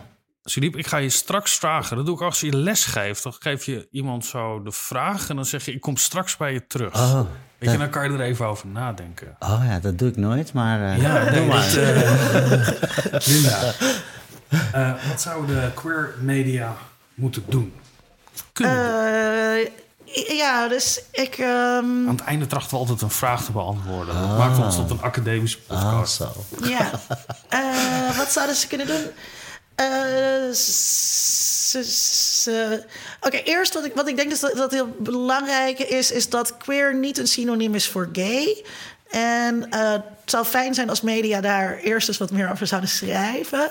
Maar ik weet niet of dat tijd te keren is. Dus ik bedoel, taalgebruik wordt, is altijd hoe een groep het inzet. Uh, dus het kan best zijn dat we die strijd gewoon verliezen. En dat queer wel een synoniem wordt voor, voor gay. En dan gewoon het bijvoeglijk naamwoord dat wordt bij het rijtje LHBTQIA-sterretje. Maar voor zover het uh, zo is, denk ik dat, dat je nog iets anders moet proberen. Dus dan die queer wel queer te houden. Uh, en dan zouden queer media kunnen proberen om de status quo omver te werpen. Ja, dat, dat, dat, dat is het doel. Dus dat idee van die fundamenten, daaraan zagen, mensen ongemakkelijk maken, eh, de wereld op zijn kop zetten, mensen verwarren, uh, mensen dingen laten bevragen die ze niet eerder hebben bevraagd. En, en, en dat is. iets allemaal... Foucaultiaans hier. In. Ja, ja, ja, je moet wel poststructuralisme snappen. Eh, nee, dat hoeft helemaal Nee, niet. echt niet. Ik, maar het is wel handig. Breng de Het- categorie aan het dansen. Het helpt. Nou ja, nou ja, het idee van productieve identiteiten en zo, dat zit er wel een beetje in. Ehm, dus dat zou de media kunnen doen. Tegelijkertijd ehm, zijn media vaak de handlangers van de status quo. En eh, dus wat je ziet is denk ik een soort incorporatie van een bepaalde uitdaging die er plaatsvindt. Dat zie je denk ik heel goed op Netflix, waar dan een kleine niche is voor queer series. En wij heel erg verwend werden met Sense8. En, en iedereen was helemaal, wow, wat een fantastische serie. En toen pakten ze het gewoon af. Ja, want dat, kan, want dat kan ook gewoon, want Netflix is gewoon een mediabedrijf. En daar ben ik nu ook bang voor. Met Pose, ook zo'n serie. Die gaat over de ballroomcultuur in New York eh, eind jaren tachtig. Ehm, en dus ik, ja, ik, ik, er, er is potentieel, maar dat wordt, wordt beperkt door kapitalistische systemen waarin we nou eenmaal bestaan. Sudiep, heb jij daar nog iets op aan te vullen? Of vind je iets anders? Dat No, kan ook. No, I, I would say something very similar that if queer means what is transformative and what is disruptive, then queer media will always have to be specific. There is no strategies which will always guarantee what is queer media. What is happening at that particular moment in time? What are the norms that are being established now? We saw this with homo nationalism, for example. Maybe in five years' time, there will be another form of very conservative sexual politics where I would say queer, queer media would simply have to question, interrogate, transform. Yeah. Wat, wat, ik, wat ik zelf heel sterk uit jouw eh, verhaal ook meekrijg, is dat het queer media niet zozeer een categorie is die je kan definiëren op basis van wat je ziet. Maar het gaat ook heel erg over de ervaring die je Ja. hebt ten opzichte van wat je te zien krijgt. Precies. Waarin de vanzelfsprekendheden bevraagd moeten worden. Nou ja, dat is ook wel interessant als het dan dus gaat over. eh, eh, ik vind het altijd interessanter om te zien wat doen media met mensen dan, dan representaties bestuderen, dan alleen maar de tekst bestuderen. Dus dat gaat hier ook over, ja, wat doen, wat doen mensen met die tekst? En niet zozeer, ja, wat vinden mediawetenschappers nou dat die tekst is, bevat. Ja. accuracy of representation and all that Yeah. stuff that gets into real problems because if queer is about not not knowing clearly what you're encountering then you can't check how accurate it is right Nou, we Yeah. zeiden het al. eh, altijd mooi als je de. Als de natuur eigenlijk geschiedenis is, dan wordt het interessant. Wat eh, vind jij dat dit nu een queer podcast was, Vincent? Heb jij nu een beetje een queer ervaring gehad? Ehm, nee, want ik zit er natuurlijk wel een. een ik, ik, ik raak niet verward door de categorieën. Ehm, ik zit ook denk ik wel op een andere verhaal. Ik, ik, ik, ik ken de categorieën en ik ken ook de discussie over de categorieën. Je hebt eigenlijk niks geleerd. Uh, nee, wat ik, wat, ik, wat ik heel erg heb geleerd is dat, het, dat we het, het, het niet moeten categoriseren als de andere categorieën. Het zijn geen categorieën die naast elkaar bestaan, waarin er een soort, soort, soort cafetaria-model is waarin je kan kiezen over waar je bent, of waar je in kan switchen, of waar je het even niet weet en dan ben je queer. Maar dat het eigenlijk een, een, een categorie is die al die andere categorieën overbodig maakt en tegelijkertijd ook weer bevestigt. Zo. Dit was aflevering 85 van de podcast Onder Mediadoktoren. En dit is het moment eh, waarop we jullie vragen, toch Linda, om ons eh, leuk te vinden. Dat heet dan like of eh, lid te worden. Dat heet dan subscribe. Of je mag ook een recensie schrijven. Bijvoorbeeld als je het gewoon helemaal niet over eens bent, want er zit gewoon iets in je broekje. Of een donatie te doen. Kijk op ondermediadoktoren.nl voor meer informatie. En ben je nou student en lijkt je het ook leuk om podcastmaker te worden, toch wel hè, het, het, het, het, het leukste medium dat wat er is. Mail ons dan, meld je aan. Enigszins disruptief, problematiserend Als jij medium. ons wil verder disrupt, de, de, de- ons ook disruptie wil plegen in het Of als je maakproces gewoon van bedenkt, deze. ik moet Vincent steunen, zeg maar, in het behoud van de status quo eh, Ben bij je deze ook, eh, podcast. ben je ook- niet meer zulke soort Ben je ook wit, hebben. cis en hetero? Kom erbij. Eh, ook jij bent welkom. Eh, want we zijn altijd op zoek naar leuke nieuwe mensen. Eh, de redactie van deze aflevering eh, was heel erg queer en heel erg leuk. Eh Sona Arslan, Marijn Joop, Frederik Tuilers, Linda Duits en ikzelf. Volgens mij had Vincent Sebastian van der. Poel ook een beetje geholpen. Dat Oh, was Sebastian vergeten op, op te schrijven, maar die heeft ook Oh. geholpen. Nou, dankjewel Sebas. Eh Sudiep, ontzettend bedankt dat je er was en voor je, voor je Bedankt voor de uitleg. Superleuk. uitnodiging. En het was Oh. ook heel goed dat, dat, het, dat het in het Engels en het Nederlands Ja. was. Het was ook vast verwarrend. Eh, ja, dat is ook een beetje disruptief, hoe taal daarin kan werken. Voor jullie wel. Dat is niet Nou, kiezen. volgens Dat mij, niet eh, kiezen. Ehm, over twee weken, identiteit. dames en heren. Oh nee, luisteraars. Nee, dan gaan we nu niet aan het einde, dames en heren. zeggen. zeggen we Natuurlijk ook in nooit. deze Ik weet niet categorieën. waarom je nee, dat ik sprak, keer ik sprak zegt. jullie aan, want ik weet dat jullie wel. eh, ehm, Ik vind dat vervelend. ja, vind je het heel vervelend? Ja. Dames en heren, als u de bonusaflevering wil luisteren... waar Linda Duits en ik het hier nog een luisteraars. al hierover gaan hebben... dan kunt u die vinden op Soundcloud. Ehm, over twee weken gaan we het hebben met Thomas Boeschoten... over lezersonderzoek en journalistiek. Tot over twee weken. Bedankt.